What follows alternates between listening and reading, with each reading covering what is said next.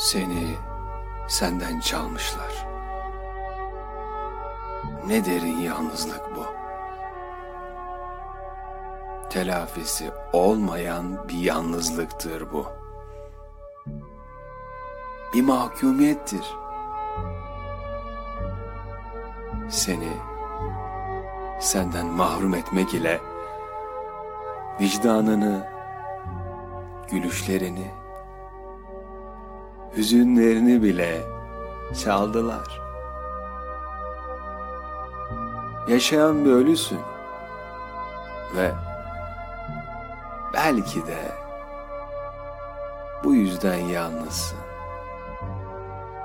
ve belki de bu yüzden yalnızsın.